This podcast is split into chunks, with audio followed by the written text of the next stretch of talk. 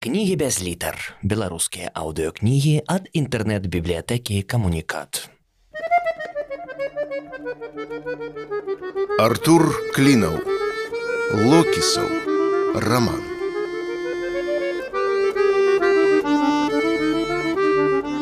Глава 58. Дзейнічаць трэба было імгненна. На ўсё пра ўсё мелася хвілін 15. Забіцкі не разумеў, як ён мог не заўважыць гэтага раней, вакол яго адны жывёліны.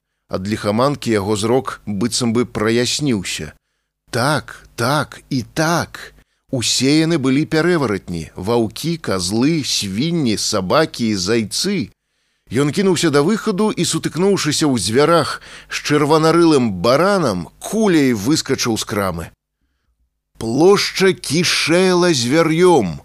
Аслы у шапках-аблавушках, свінні ў паліто і казулі ў манто шпацыравалі ў праходах паміж платамі, Сумчатыя кенгуру, што ўкладвалі плітку, выцягнуўшы з сабойкі, жэрлі на задніх лапах, ваўчыныя зграі прарабаў каля сваіх джылі бочачак, наразалі кілбаскі ды абскубвалі курыныя ляшкі, ласі інжынеры з вушастымі чарцяжамі пад пахай цягнуліся да бара. Некалькі зайцоў караскаліся па драбінах на пальму, аднак гэта была не пальма, забіцкі выразна бачыў у ёй блудніцу. У тое, што зайцы чаплялі ёй пад раскошную зялёную шавялюру, не какосы, а грудзі з паўтузіна вялікіх калматых цыцак. Пад блудніцай, учапіўшыся ў дрэўка транспаранта, хісталіся дзве самотныя каалы. З іншага боку плота пад лозунгам локіса няма стаялі ліса, надзея і ён, прычына ўсіх яго ліхтугаў. Унутранае вока раптам давала тут збой. Ён быў адной цьмянай плямай, за якой ні звярынага, ні чалавечага не праступала, аднак і выбару ўжо не было. Не звяртаючы ўвагі на воклічы за спінай, ён падскочыў да локісава з надзеяй і, павітаўшыся хутка, холодна і фармальна, заняў зручную пазіцыю пад транспарантам. За ім ужо бегла целагрэйка альпачына і ўсё дакументавала. Два іншыя супольнікі таксама падышлі бліжэй, але здымалі агульныя планы. Пакуль усё ішло па задуме, заставалася нанесці апошні удар. Забіцкі палез у заплечнік і вынуў з яго чорны металічны цыліндр з кранштейнам. Затым дастаў з кішэні смартфон і пачаў мацаваць. Рукі дрыжалі, таму прыйшлося пакорпацца. Скончыўшы з гэтым, забіцкі выцягнуў цыліндр у даўгую палку. Ён пасунуўся да локісава бліжэй і націснуў на кнопку кароткая пстрычка, успышка, але здымак атрымаўся няўдалы, перакос у кампазіцыі, а галоўнае у кадр не трапіў лозунг. Пашукаўшы ракурс, забіцкі яшчэ раз націснуў, аднак зноў не надта. Транспарант выглядаў някепска, але цяпер не было відаць маніфестантаў. Такі кадр дакладна нікому не прад'явіш. Зыбіцкі моўчкі схапіў за руку надзею, пасунуўшы яе бліжэй, пашукаў кампазіцыю, стаў побач са старшынём іх партыі, выцягнуў кій і пстрыкнуў. Цяпер на фатаграфіі прысутнічала ўсё і маніфестанты, і лозунг, і плошчы і людское мора. Аднак, угледзеўшыся, ён ледзь не выбухнуў мацюкамі.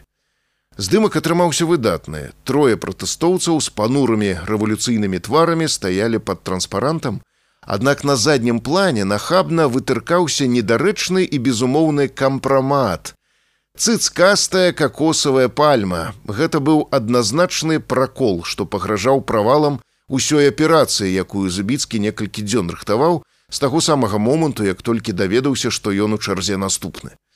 Дазнаўшыся, што локіс будзе жэрці ўсіх па алфавіце, ён хацеў адразу ж ляцець на трасу, але хутка сцяміў, што гэта небяспечна. Знікнуць трэба было акуратна. Экстранная нарада клану пастанавіла, як толькі сцямнее таемна вывесці вальнадумца ў сталіцу. Аднак да забіцкага раптам дайшло, што ўласна гэта мяняе. Пярэварацень дастане яго і ў мінску, Да таго ж ён уявіў усю перспектыву жыцця ў пастаянным страху, бясконцым тулянне па новых кватэрах, рэгулярнай змене пароляў, іміджаў, явак, сяброў, нумароў тэлефонаў. Адзіны спосаб пазбавіцца ад гэтага уцячы на другі край зямлі.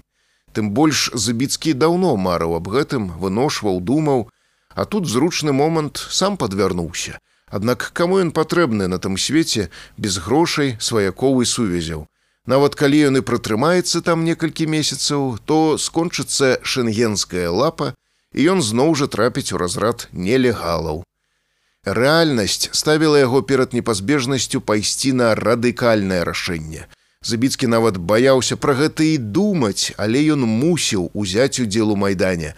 Гэта ў корані ўсё мяняла. Тады ён бег на зямлю запаветную не як поц перакаці поля, а як палічычаскі, і ахвяра рэжыму. Трэба было рызыкнуць, выйсці на плошчу хаця б ненадоўга, але галоўнае зрабіць правільную дакументацыю. Аднак цяпер пальма адназначна выдавала пастановачны кадр. Хто на святой зямлі паверыць, што гэты здымак зроблены ў эпіцэнтры барацьбы за дэмакратыю, а не недзе на беразе чырвонага мора.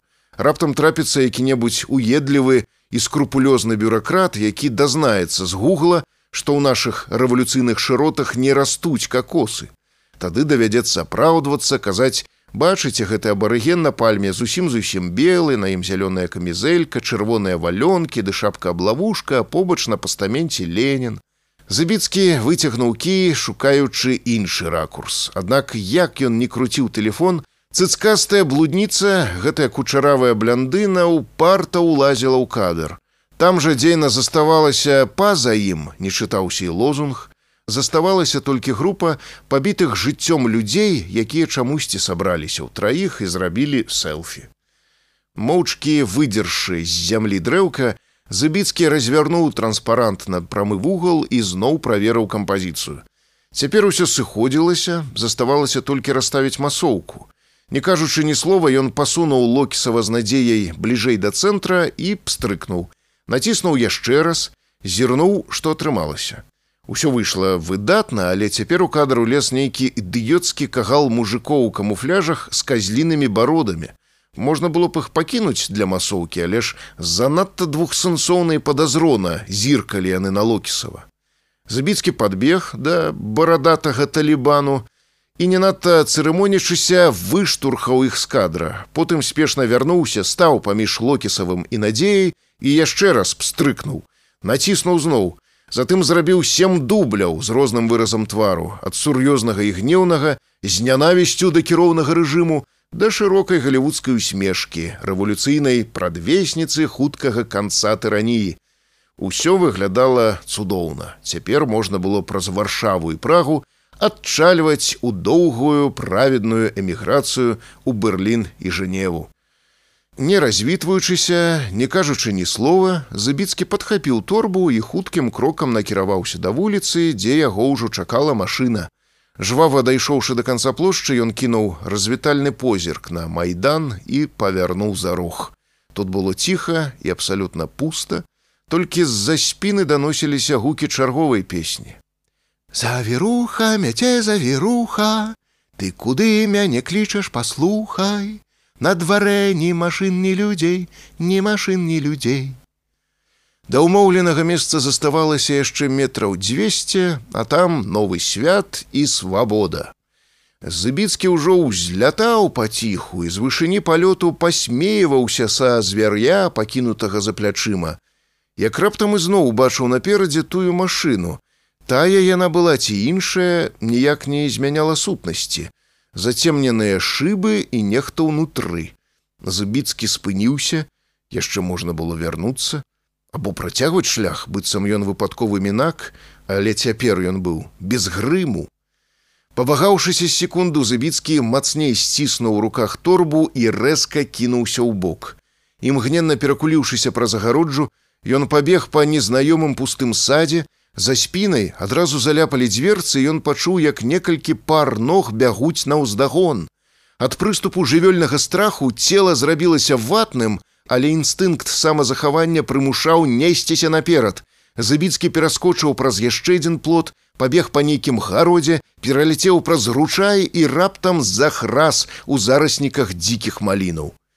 кусты, што зрасліся ў суцэльны каўтун, учапіліся і не давалі рушыць далей. Забіцкі з жахам пачуў, як тупат ног за спінай робіцца ўсё гучнейшым і гучнейшым.